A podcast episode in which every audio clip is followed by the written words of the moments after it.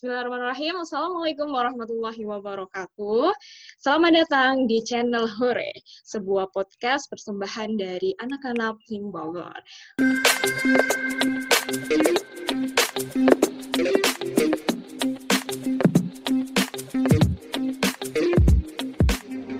Oke, pada kesempatan kali ini, saya Nisa, alumni FIM 21, akan menemani teman-teman membahas tentang sesuatu yang unik juga gitu kan di acara Hore Talk. Jadi bahasan kali ini kita akan membahas terkait pemuda. Ketika berbicara mengenai pemuda nih, aku jadi teringat sebuah kata-kata dari Bapak Insinyur Soekarno kita, yaitu tentang 10 pemuda. Uh, beliau meminta, uh, beliau ingin mendapatkan 10 pemuda dan bisa mengencangkan dunia. Ah, intinya gitulah ya. Nah, jadi lantas pemuda seperti apa sih yang dimaksud oleh Bapak Insinyur Soekarno kita itu kayak gitu kan? Apakah pemuda yang rebahan aja atau gimana? Atau nah untuk uh, lebih jelasnya kita akan menanyakan ini kepada seseorang motivator kita. Dia beliau adalah seorang uh, alumni FIM juga dan merupakan founder dan CEO dari Muda Inspiratif. Oke, kita langsung saja panggilkan Beliau adalah Kak Adnan Fatron.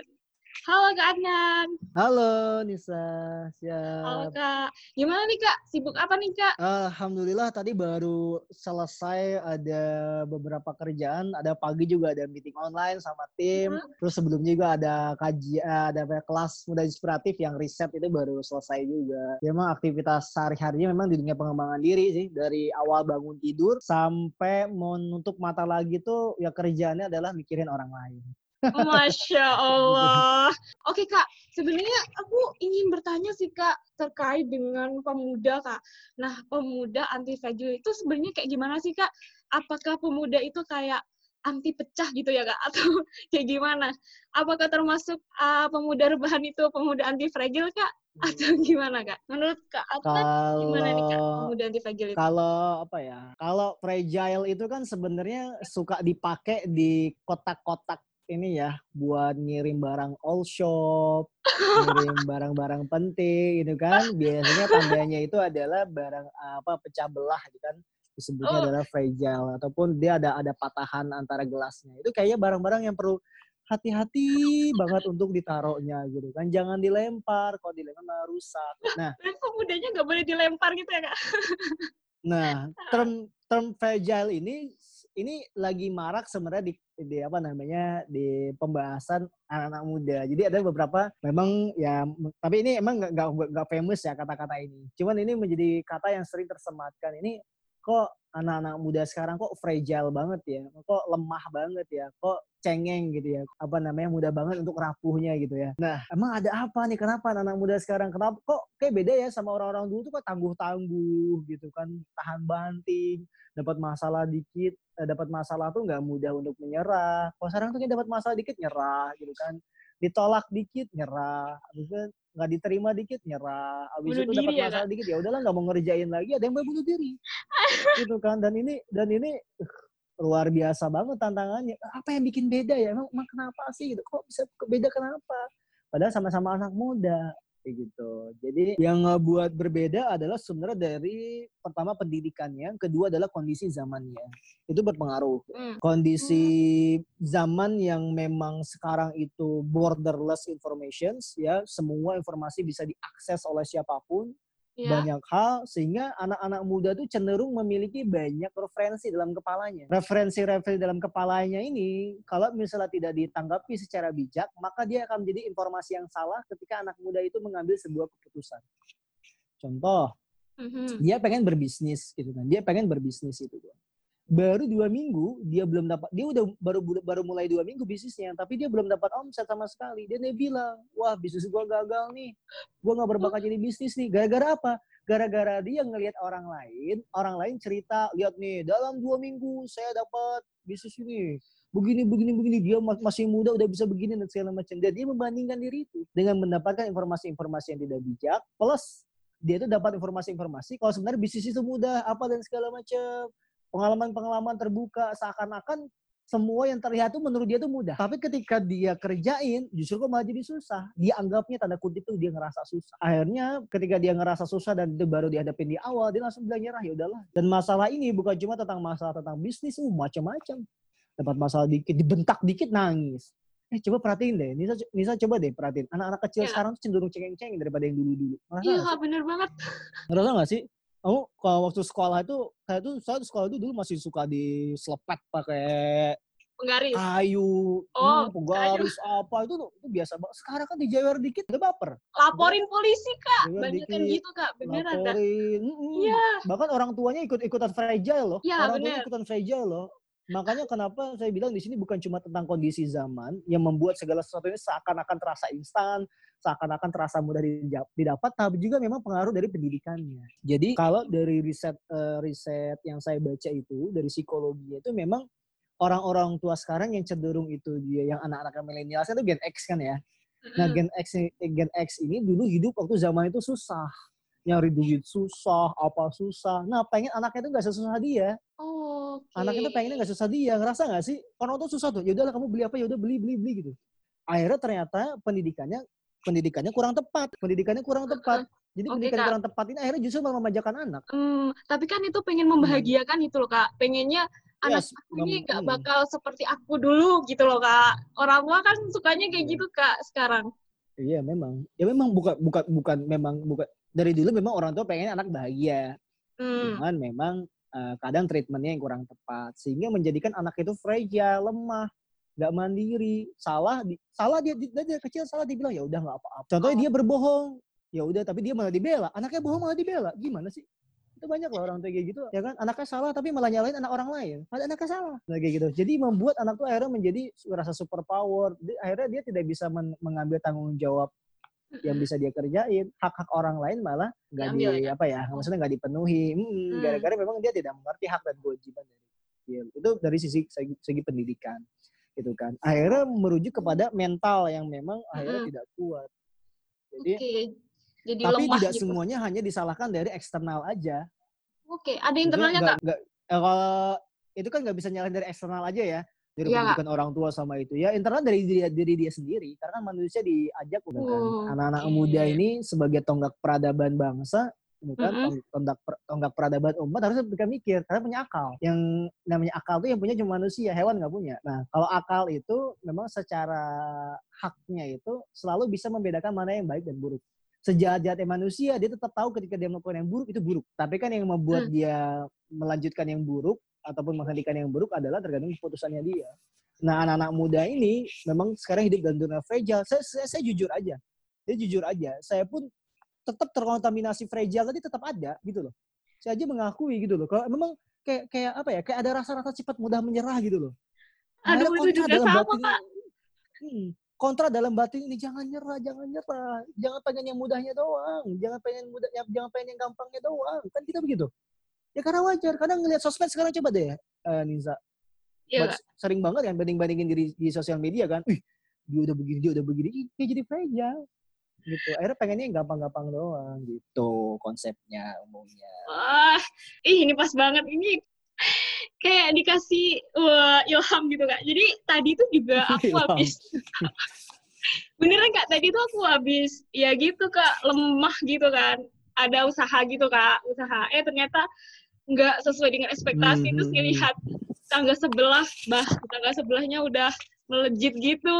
Terus kok aku kok enggak? Jadinya ya udahlah ya nggak usah dilanjutin aja. Aku malah mikirnya kayak gitu. Nah oke nih kak. Kayak oh kamu muda-muda kayak gini misalkan contohnya kayak aku yang tadi. Mm-mm. Uh, aku merasa kayak ya udahlah mending aku putus asa aja aku selesai aja di sini aku nggak bisa lanjut. Terus aku uh, apa sih namanya uh, nggak usah meneruskan uh, perjuangan ini cukup di sini ganti yang lain Uh, cara-cara biar apa sih kak? Biar nggak kayak gitu gitu loh kak. Itu gimana ya kak? Maksudnya biar nggak fragile fragile ya? Itu gimana ya?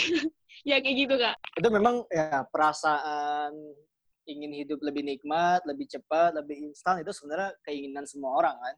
Ya betul. Nggak nggak ada orang yang nggak ada orang yang pengen banget hidupnya tuh nggak nikmat gitu kan? Nggak ada orang yang Hmm. pengen banget hidupnya tuh ya biasa-biasa aja Gitu. Nah, pengennya tuh hidupnya tuh ya udah uh, pengen nikmat, pengen cepat, pengen mudah. Nah, Betul. tapi memang yang paling bahaya adalah ketika memang pengen mudah itu tidak dikorelasikan makna mudah itu seperti apa sih? Gitu kan. Makna mudah itu seperti apa sih? Makna mudah itu sebenarnya adalah gabungan antara kemauan sama kemampuan. Ketika memang punya kemauan yang bagus, ya kan, kemauan yang tinggi, kemampuan yang mumpuni, maka akan jadi mudah. Oke, jadi gabungan antara Mudah. kemampuan sama kemauan gitu ya kak? Nggak cuma kemauan iya, aja maka akan berarti ya? jadi mudah. Nggak punya kemauan doang. Dia kalau punya kemauan doang tapi nggak nggak mampu gimana? Nggak dia bisa. pengen dia pengen dapat beasiswa dia pengen dapat beasiswa ke luar negeri tapi dia nggak mampu bahasa Inggris nggak menguasai subjeknya ya gimana nah Oh. jangan sampai kayak gini jangan sampai kayak gini contoh ya Mm-mm. dia pengen dia pengen dapat beasiswa S2 ke luar negeri Ya kak. gitu kan abis itu dia mau tuh uh, mau banget nih. Tapi dia nggak dia kemampuannya biasa-biasa aja gitu kan? Bahasa Inggris nggak jago-jago amat ya kan? Ini kayak aku nih, Kak. 100 ap- apalagi IELTS gitu kan? Terus tiba-tiba dia pengen keluar negeri dia ikut dan, dan dia ikut ujian gitu kan? Ikut ujian dan gagal. Terus dia bilang memang ini bukan bukan jalanku di sini. Ya Bukan gimana mau bukan gimana itu bukan gimana itu mau bukan jalan lu? Iya lu aja nggak nggak usaha sebaik mungkin gitu kan Hmm, gitu Nah. ya. Wah. gimana kita mau bilang tawakal kalau ikhtiarnya aja nggak maksimal kan begitu jadi memang ketika dapat masalah ya masalah itu sebenarnya hadirkan untuk memperkuat kita untuk kita bikin kita naik kelas Hmm. gitu. bukan buat kita jatuh Ya, berarti kita tuh harus punya mental perjuangan lah ya kak sebelum untuk mendapatkan itu ya tetap berjuang gitu loh semampu kita Iya, gitu kalau ya di hmm, kalau di ilmu pengembangan dirinya itu ada namanya adversity quotients kecerdasan bertahan Wah kecerdasan ketangguhan itu namanya adversity quotient itu boleh cari di Google tuh adversity quotient kecerdasan bertahan ya kak. Ada ya. iya, ya, ada. Jadi dia memang kayak apa namanya punya kecerdasan tangguh gitu. Jadi memang orang itu dapat masalah tuh tangguh, tangguh, tangguh. Oke, oke berarti harus setangguh itu.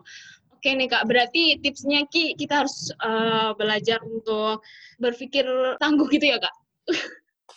harus Hmm. tangguh itu. Nggak, hmm, nggak, nggak, nggak cuma mikir tangguh doang juga, harus dibiasain punya masalah. Malah harus dibiasakan punya masalah kak. Banyak loh kak orang yang menghindari masalah, tapi ha- kita harus mampu menghadapi. Jadi gimana Iya. kak itu kak? Harus dibiasain punya masalah. Mencari masalah gitu kak. Iya. Oke kak, lanjut nih kak. Nah, eh, setelah kita membahas Nah. tentang eh, apa sih pemuda anti fragile, terus eh, ada tips-tipsnya, tips-tipsnya juga. Nah, aku ingin tanya sih kak, menurut kakak nih, pandangan kakak, kalau pemuda Indonesia zaman sekarang itu tergolong apa ya kak? Tergolong bertahan atau tergolong lemah atau tergolong kayak apa ya? Maksudnya setengah-setengah atau gimana kak? Menurut pandangan Kak Adnan nih. Oh, pemuda Indonesia sekarang banyak yang bagus-bagus, banyak yang keren-keren. Oh iya kak. Hmm, hmm, banyak yang bagus-bagus, banyak yang keren-keren, banyak yang berprestasi. Ya, cuman kan Hmm. banyak yang berprestasi itu sama yang enggaknya tinggal dilihat aja di komparasi. Cuman anak-anak muda sekarang tuh keren-keren loh, bikin startup, solving others problem, jadi volunteer, creating community, gitu kan, founder, founder, founder, founders, everybody's a founder, right? founder founder and CEO ya Everybody's kak. a founder.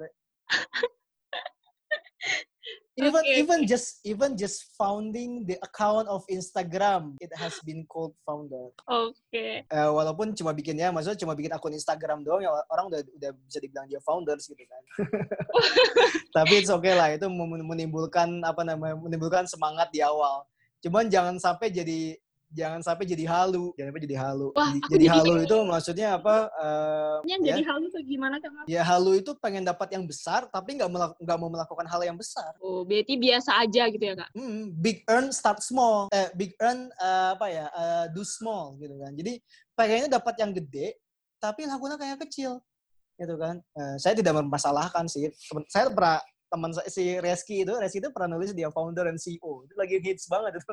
Dia bikin artikel tentang orang terlalu banyak, terlalu banyak yang jadi founder dan CEO gitu kan. Dengan mudahnya gitu kan. Tapi Ih, tapi ya itu tidak menjadi dulu. ma- tapi Kak? tapi tidak menjadi masalah kalau memang eh, yang didirikan itu bermanfaat. Ya nggak ada masalah dong. Eh, orang berhak aja dia mengklaim dirinya founder dan CEO kan. Memang dia kalau memang kalau misalnya dia memang benar-benar mendirikan sesuatu dan membawa manfaat sesuatu ya nggak apa-apa gitu kan. Kalau memang dia mengelola sebuah bisnis ya nggak apa-apa. Dia katakan CEO memang dia mengelola sebuah bisnis. Tapi kalau dia nggak nggak ini gitu kan, cuma asal bikin akun Instagram, maksudnya di, habis itu nggak punya yang nggak ada nggak bawa impact apa-apa ya ya dipertanggungjawabkan sendiri. Lo found, uh, lo founding apaan dan lo executing apaan? Gitu. wah oke okay, oke. Okay, kak sebenarnya jadi tertampar uh, juga nih aku kak sebenarnya. Karena di Instagram yeah. aku pun juga aku tulis juga founder and gitu. Kan keren gitu loh kak. Keren ya keren ya kelihatannya kayak keren ini. Keren iya keren kak Padahal tuh kayak, apalagi kalau sekarang kan lagi lagi zaman zamannya bikin kelas online, founder, founder, founder gitu. Mm-hmm. Tapi kan lihat, lihat aja tracknya apa gitu kan. Akhirnya itu yang menjadi salah satu menjadi sebab fragile adalah pengen dapat sesuatu yang gede, pengen mm-hmm. diakui sesuatu yang besar, mm-hmm. tapi ternyata mulai dari kemampuannya, kemampuannya, perilakunya tidak menunjukkan sesuatu yang besar itu. Itu kan disebut dengan angan-angan. Wow. Maka bedain angan-angan sama cita-cita. Kalau angan-angan tuh pengen sesuatu yang besar, tapi ternyata perilakunya tidak sesuai dengan perilaku yang besar itu. Contoh pengen jadi presiden. Wah, cita-cita saya pengen jadi presiden. Tapi memang yeah. aktivitas sehari-harinya nggak nunjukin jadi presiden. Itu angan-angan banget. Karena nggak akan pernah kesampaian. Berpotensi mimpi, ya, untuk tidak kesampaiannya lebih besar. Oh, mimpi lebih beda lagi. Mimpi mimpi, oh. mimpi masih bagus. Ini angan-angan. Angan-angan tuh kayak ngayal, ngayal, lalala, ye ye, ngayal, halu-halu. Oh, Tapi kalau misalnya cita-cita, cita-cita mm-hmm. antara tujuan sama aktivitasnya sehari-hari memang nunjukin orang ini serius pengen ke sana. Mm. Serius gitu. Ada dapat masalah sedikit nggak cengeng. Emang serius pengen ngerjain contoh pengen jadi pembisnis. Dapat bangkrut sedikit, dapat masalah sedikit, dia nggak mudah nyerah. Itu memang berarti pengen cita-cita jadi pembisnis, bukan cuma halu jadi pembisnis. Mm. Gitu. Wah, bener-bener Kak, bener banget. Aduh, makasih banget nih Kak. Sebenarnya ini pas buat aku nih, bener-bener pas banget. Mas juga buat teman-teman yang, yang lainnya. Yang yang apa namanya uh, hostnya malah jadi curhat. Iya nih. Curhat.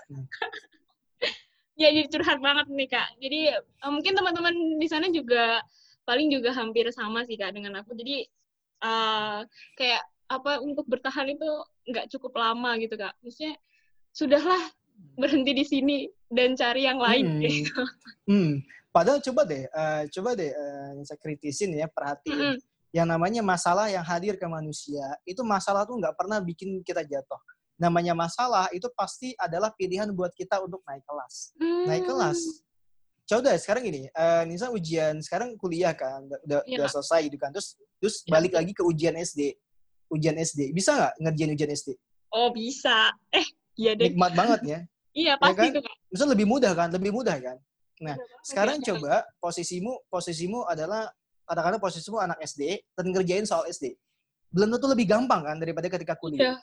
Iya, benar Kak.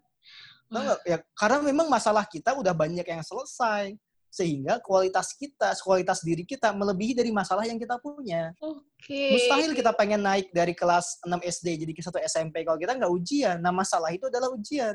Masalahnya uh, apa? Tapi tergantung menjadi pilihan. Kita mau nyelesain ujian itu atau enggak. Menyelesaikan ujian yang naik kelas 1 SMP, enggak nyelesain ujian ya tinggal kelas. Bisnis gagal, mau ngehadapin bisnis gagal bisnisnya itu naik kelas, akhirnya jadi pebisnis hebat, ataupun tinggalin bisnisnya nggak jadi apa-apa. Jadi masalah itu nggak bisa kita hindari sebenarnya. Justru ketika kita menghindari satu masalah, maka akan muncul masalah-masalah yang lain. Jadi masalah itu memang tempat memang tempatnya buat dikerjain, memang waktunya untuk diselesaikan, memang kondisinya untuk kita segera cari solusi. Jadi kalau misalnya anak muda nggak mau nyari masalah, akhirnya jadi orang yang lemah-lemah mulu, fragile, maunya gampangan doang, ya dia nggak akan bisa dapetin apa yang dia mau selamanya. Sampai kapan pun dia halu ya akan ya forever halu gitu kan sedih kan? Orang-orang halu kan sedih banget gitu kan. Selalu banding-bandingin dirinya sama orang lain stres nggak tahu dia mau ngapain dan dia nggak melakukan apa-apa. Ada masalah nyerah ada masalah nyerah gitu kan ya. Nggak segampang itu bos kalau kita mau dapat sesuatu. Kadang kita itu seringnya adalah melihat orang tuh udah sukses duluan. Dia nggak tahu dia nge, apa ngelewatin lembah jurangnya duriknya paku itu dia nggak tahu kok dia nginjak-injak itu. Tahunya adalah ketika dia udah di atas sih enak ya dia udah penghasilan yeah. gini ya enak ya jadi orang kaya di bawah 30 tahun iya enak ya dia punya dia punya legacy ilmu yang bisa di-share ke banyak orang enak ya enak ya. Dia nggak tahu berapa lama orang itu belajarnya berapa banyak masalah yang dihadapi nah itu kan yang jarang orang ulik coba ditanya deh orang-orang eh, orang-orang yang kita anggap sukses tanya deh kehidupan dia backgroundnya wah banyak banget masalahnya. Cuma berarti dia memilih untuk menyelesaikan masalah yang lainnya memilih untuk meninggalkan masalah. Akhirnya wajar dong kalau kualitasnya beda. Jadi sebenarnya Allah tuh adil banget. Iya kak. Wah, boleh kak. Siap kak. siap akan tetap bertahan. Weh. eh kak, nah pas kondisi-kondisi kayak gitu lemah-lemahnya nih kak, eh, kan hmm. kondisi lemah nih, berarti kan nggak pengen bertahan. Nah biar cepat tumbuh untuk berpikiran aku harus bertahan, aku harus kuat. Nah itu kayak gimana kak?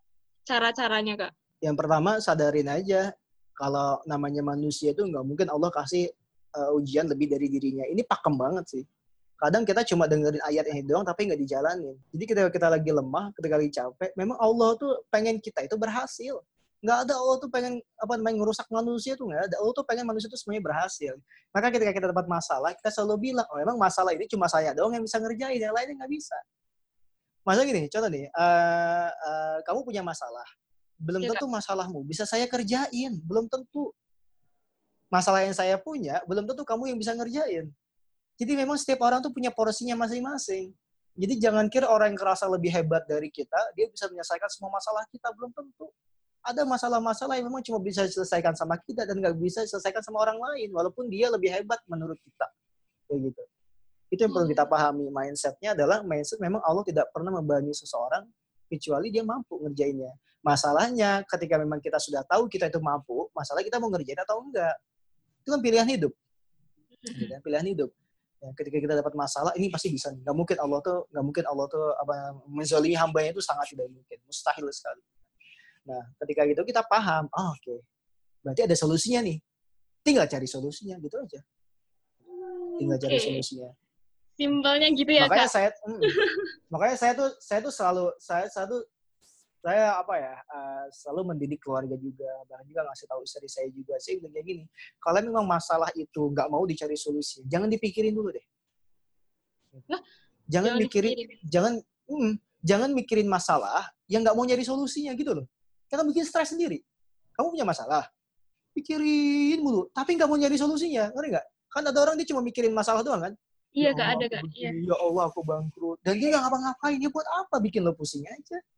Mendingan ya udahlah taruh dulu deh gue belum tahu solusinya. Udahlah gue tinggal dulu gue taruh di mana dulu masalahnya.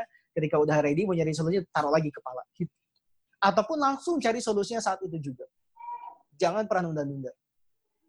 Makanya harus solution oriented. Anak-anak muda sekarang tuh harus solution oriented. Karena kenapa coba?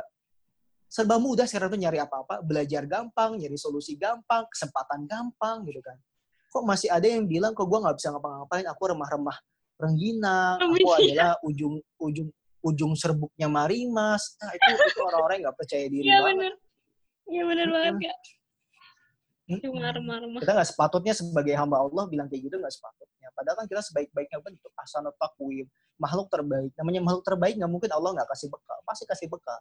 Cuma masalahnya bekalnya kagak dimakan dan kagak dipakai, akhirnya lemes-lemes lagi. Ya, kayak rengginang ya kak, yang patah-patah semuanya tuh, pecah semua. Mm -hmm. itu itu itu nggak bagus banget sebenarnya, kurang bijak ya kalau ngomong-ngomong kayak gitu. Seakan-akan Allah tuh menciptakan manusia itu gagal gitu, enggak. Oke kak. Bisa, gitu kan. Oke, mantap sekali. Wah, luar biasa nih kak Andarna nih. Oke kak, terus mau bahas nih kak. Ini kan lagi masa-masa pandemi nih kak, ya kan? Mm -hmm. Terus biar jadi pemuda yang luar biasa atau anti fragile itu harus kayak gimana nih kak? Harus tetap. Yang pertama, hmm, hmm. pasti hmm. harus tahu. Uh, sebenarnya bu banyak banget bahasnya. Ya. Coba saya coba sederhanakan ya. Untuk anak-anak muda sekarang lagi masa pandemi, mm-hmm. yang perlu dia pahami adalah tujuan hidup dia tuh apa sih? Kenapa sih? Kenapa dia hidup di dunia? Dia pengen punya peran apa? Gitu kan? Dia mm-hmm. ingin melakukan apa? Visi misinya apa? Dia ingin membawa kebaikan apa? Orang-orang yang memiliki mindset-mindset dasar pemahaman seperti itu, ketika ada dihadapi masalah apa pun, walaupun pandemi sekalipun, dia akan mengerti gitu kan, apa yang harus dia lakukan. Solution oriented. Tapi ketika memang dari, dari dasarnya awalnya dia nggak dia nggak tahu, bahkan dia nggak tahu kenapa dia lahir gitu. Wah, ada loh orang yang lahir dia nggak tahu kenapa dia lahir. Wah, ada loh orang yang dia hidup dia nggak ada yang dia hidup dia nggak tahu kenapa dia hidup. Akhirnya hidupnya biasa-biasa aja karena memang dia nggak tahu untuk apa dia diciptakan. Gitu kan. Yang Jadi perlu kita pahami. Ambing terombang ambing banget kayak mayat hidup berjalan kan? Mayat hidup berjalan matanya matanya ngeliat tapi kayak nggak ngeliat. Telinganya nggak dengar tapi kayak nggak dengar jalan tapi kayak nggak tahu arahnya mau ke mana. Okay. gitu aja gitu kan. Orang nggak produktif ya kayak gitu orang-orang nggak produktif. Makanya perlu dipahami tujuan hidupnya apa. Oke, okay, makanya kalau misalnya uh, Nisa pernah ngeliat eh postingan-postingan saya di media inspiratif atau di hmm. akun pribadi saya dan Fatron, saya selalu mengajak orang-orang untuk ayo tujuan hidupmu apa. Bahkan saya di muda inspiratif itu punya banyak modul, modul life planning canvas, grup muslim milenial, ada lagi sekarang ada lagi productive muslim 4.0, terus bikin kelas-kelas bundling. Itu semuanya untuk ngebantu anak muda itu untuk keluar dari sana, keluar dari zona zona nggak jelas, jadi zona yang jelas dia tahu tujuan hidupnya, visi misi apa, dia ngerti kira-kira mulai profesinya dari mana, untuk ngebantu orang secara maksimal atau lewat bidang apa yang dia senengin, yang dia sukain, yang dia expert di situ. Jadi clear semuanya apa yang mau dia lakukan tuh clear. Kalau misalnya orang bukan cuma pemuda aja sih, dia tahu tujuan hidupnya clear, gitu kan? Kenapa Allah nyiptain dia, apa fungsi dia hmm. sebagai seorang pemimpin di atas muka bumi, terus kira-kira di bidang apa dia ingin dia ingin berwasilah, dia ingin sebagai pemakmur bumi, dia ingin menyelesaikan masalah apa, dia ingin ngebangun apa, mem, apa ya meninggalkan legacy atau warisan apa setelah dia tiada, itu orang bakal tidak menjadi orang yang fragile, tidak menjadi orang yang terombang ambing, gitu kan. Bahkan dihadapi pandemi sekalipun dia ngerti, oke okay, lagi pandemi nih, apa yang harus saya lakukan? Oke okay, lagi pandemi nih, gitu kan. Gimana ya biar tetap bisa sustain, survive atau bahkan bisa terus berjalan gitu gitu. Pengalaman aja saya di Muda Inspiratif itu kan biasanya biasanya biasa kan training-training offline. Iya, betul. Training offline, ketemu seminar, training segala macam gitu kan. Tiba-tiba datang pandemi, boom, itu beberapa project kemarin itu sampai di cancel. Yang lumayan itu sebenarnya nominalnya itu kan di cancel. Akhirnya ya udah, ya saya mikir gimana caranya. Udah, karena memang sekarang zamannya online, digital, uh -huh. udah lakukan apa yang ada. Eksperimen aja. Eksperimen aja. Akhirnya alhamdulillah Muda Inspiratif itu jarang ada yang kelas online sebenarnya tapi sekarang udah rutin banget. Rutin banget. Sering banget ngadain kelas uh, online dan alhamdulillah responnya bagus-bagus. Bahkan tadi baru selesai kelas online yang di sesi kedua di riset kualitas diri. Dan itu responnya bagus banget dan senang banget respon langsung dari peserta gitu kan. Sampai akhirnya budaya inspiratif itu di awal sebelum pandemi itu masih ingat banget deh followersnya tuh nggak nyampe cuma cuma 1.200 atau 1.300 gitu. Sekarang followersnya uh, pandemi Nambah ya, berapa ya, udah berapa lama ya? Nambah jadi empat ribuan sekarang. Wah dari empat kali kak? hmm, dari seribu tiga ratus jadi empat ribuan. Wah. alhamdulillah dan program-programnya laris banget alhamdulillah gitu kan. Alhamdulillah tadi tadi kelas aja itu berbayar loh padahal ini kelasnya itu uh, harganya lima puluh ribu dan itu ya ikut sekitar 126 orang yang ikut kelasnya. Berarti makin karena kita bisa mengatasi masalah itu nih ya kak jadi naik ya kak kelasnya kak. yes, uh, mudah-mudahan, mudah-mudahan memang Allah Allah berikan seperti itu, mudah-mudahan ya. Semoga. Iya, amin. Akhirnya, itu jadi mikir, saya coba sekarang ini, saya saya udah berkeluarga, ada tanggungan hmm. anak, ada tanggungan istri. Kalau mikir, ya udahlah, gue nunggu pandemi selesai. Lu nunggu pandemi selesai sampai kapan, bos? Memang tahu pandemi selesainya kapan? Ini tentara Allah yang lagi dikirim ke manusia ini buat nguji orang ini nggak tahu kapan selesainya. Gitu kalau ya maaf maaf aja kalau ngelihat lagi kondisi kita dalam menghandle handle apa namanya handle COVID-19 saat ini kayaknya itu masih kalau dibilang dibilang cepat selesai juga kayak agak lama kalau secara logika gitu ya. Kecuali emang Allah izinkan untuk cepat selesai. Masyarakat yang nggak disiplin terus juga ada birokrasi yang mungkin uh, kurang sesuai akhirnya agak lama nih. Gitu kan agak lama. Bahkan sampai saya tuh dapat informasi dari guru saya yang dia memang pebisnis yang ya, dia alhamdulillah jaringannya itu nasional sampai internasional. Dia bilang di Indonesia itu bisa jadi ini pahit-pahitnya ya. ya. Hasil dari diskusi dia, hasil dari diskusi dia sama perusahaan-perusahaan besar juga. Dia bilang kalau di pandemi di Indonesia ini bisa jadi berakhirnya itu pahit-pahitnya 2021. Hah? Lama sekali. 2021. Bahkan bisa lebih lama jadi 2022. Dia bilang kayak gitu. Dia, ngelihat dari kondisi saat ini ya. Gitu. Makanya semua yang akan terjadi yang sebelum pandemi, maka sekarang akan menjadi the new normal. Gitu. Hmm. Makanya orang-orang yang nggak orang-orang nggak mulai perubahan dari sekarang, nggak mengikuti nggak mengikuti alur, nggak mengikuti perubahan, dia bakal ketinggalan. Menunggu pandemi sampai kapan? Ya kan? Menunggu pandemi sampai kapan itu. Dan dan coba cek dah, sesu, walaupun COVID-19 selesai, hmm. katakanlah aman, ya. sesuatu yang normal sebelum pandemi tidak akan betul-betul 100% normal setelah pandemi nggak akan betul-betul 100% normal. Contoh yang dulu dia dan normal itu bakal lama banget gitu, bakal lama banget. Contoh nggak boleh kumpul dulu seminar itu 500 orang. Mungkin habis pandemi walaupun dia udah selesai, roman-roman mm -hmm. udah selesai masih tetap dibatasi, dibatasi jadi 200 orang, 100 orang kayak gitu. Bertahap ya, Kak? Tetap bertahap gitu kan. Kayak SARS aja kan agak lama, kan lama kan.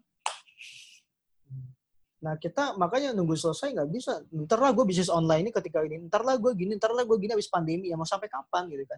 Ntar lah gue dapat pekerjaan, habis lulus kerjaan nih. Ntar lah gue nyari kerjaannya habis pandemi. Siapa tahu ada, pekerjaan, ada pekerjaan yang bisa gue lakukan. Karena pekerjaan gue offline nih bos. Pekerjaan gue di lapangan nih, nggak bisa ketemu orang. Lalu lakuin apa ya apa yang apa, lakuin aja apa yang lu bisa lakukan sekarang gitu. Mulai berpikir kreatif kepalanya, jangan nunggu sesuatu itu nikmat dulu ya. Kita nggak karena nggak ada yang benar-benar nikmat hidup itu semuanya pasti lewat proses yang tidak nikmat baru dapat nikmat. Ya. Hmm. Oke, oke. Aku jadi berpikir ini kasih kak untuk orang-orang yang kena PHK itu kan kak gara-gara pandemi ini itu kan mungkin itu masalah yang sangat serius untuk pemuda sekarang juga. Ya, serius ya, banget. Hmm. Hmm. Makanya itu peran kita sebenarnya ngebantu mereka yang pertama, ngebantu mereka. Ayo anak-anak muda, bikinlah uh, namanya lapangan pekerjaan yang mungkin bisa ngebantu mereka ataupun hmm. kalau emang nggak bisa ngebantu mereka ya coba coba kalau emang punya uang berlebih ya kasih donasi. Uh, tapi di satu sisi jangan cuma jangan cuma ngumpan doang tapi ajarin mereka buat mancing. Hmm. gitu. yang paling bahaya kan membuat membuat generasi lemah. Karena kenapa? Diumpanin aja terus. Dikasih terus dikasih ya, makan aja terus. Tapi nggak nggak tapi nggak diajarin gimana cara mancing ikan. Hmm. itu itu yang jadi bahaya. Jangan sampai kita jadi generasi lemah gitu kan. Gara-gara itu pengen enaknya aja gitu kan. Ya udahlah dengan donasi selesai ya udahlah dengan ini selesai. Memang yang harus kita selesaikan adalah itu kita kita penuhi dulu kebutuhan yang kita donasi dulu kita kasih makan dulu. Karena kebutuhan itu penting. Jaga perut jaga itu tuh penting dulu baru bisa dikasih tahu. Jangan dikasih tahu dulu tapi nggak diselesain masalah ekonominya. Itu agak susah juga gitu. Oke kak, oke oke oke. Oke paham nih kak. Wah beneran kak, ini udah nggak terasa nih kak, udah 30 menit. Hmm, Liar panjang yeah. dan lebar nih. Oke kak, sebenarnya masih pengen ngulik-ngulik lagi nih kak. Tapi kayaknya butuh waktu satu hari, satu malam, apa dua hari, tiga hari ya. Kayaknya butuh lama nih kak. Kita ketemu lagi insya Allah ya di podcast-podcast selanjutnya bersama Fim Hore. Yeah! Oke kak. Nih, oke okay, kak, untuk epi, apa kan, bukan episode ini kak. Uh, terakhir nih kak, mau nanya terakhir. Ada pesan-kesan untuk pemuda pemuda Indonesia atau juga untuk pemuda-pemuda yang lagi kena masalah seperti di PHK itu kak. Mau minta pesan dan kesannya kak. Gitu. Iya. oke kak. Uh, kalau pesannya tadi yang pertama cuma ngingetin aja hmm. teman-teman tidak akan pernah tidak akan pernah diberikan masalah kalau memang kita nggak bisa ngerjainnya kita nggak okay. akan pernah diberikan sesuatu, sesuatu ujian kalau memang Allah itu nggak nganggap kita mampu. Itu yang pertama. Yang okay. kedua, setiap masalah pasti akan ada solusinya. Dan kita anak-anak muda yang punya pikiran yang masih cemerlang, fisik yang masih bagus, seharusnya menjadi agen perubahan untuk berubah. Jangan menjadi agen-agen perubahan untuk dirubah oleh orang lain. Nunggu bantuan, tapi coba-cobalah yang ngebantu gitu kan. Jadi kalau anak-anak muda sekarang itu potensinya luar biasa keren-keren banget. Kita digital punya, kita internet punya, kita laptop punya, kita HP punya. Apa yang nggak bisa kita coba cari solusinya coba? Kita bisa interaksi dengan orang-orang expert, kita bisa ngobrol, kita bisa koordinasi. Gitu kan? Dengan segala bentuk kemudahan itu, kalau misalnya kita masih bilang kita nggak bisa melakukan apa-apa, nah itu kan bahaya banget.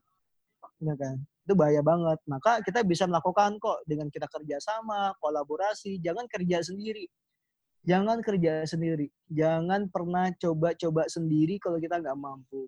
Kerjalah dengan orang lain. Bisa jadi wasilah rezeki kita itu dari orang lain. Bisa jadi bisa jadi wasilah atau perantara bantuan kita dari orang lain. gitu. Jadi jangan nyerah, jangan lemah gitu kan. Kita ini agen perubahan bangsa. Kalau bangsanya kalau pemudanya rusak, maka bangsanya rusak. Kalau pemudanya rusak, maka agamanya rusak gitu kan. Maka kita ini jadi tombak banget gitu kan. Gak mungkin Allah tuh menyiapkan masa muda yang kuat fisiknya, cemerlang pikirannya gitu kan. Dan gak ngelakuin apa-apa tuh nggak mungkin.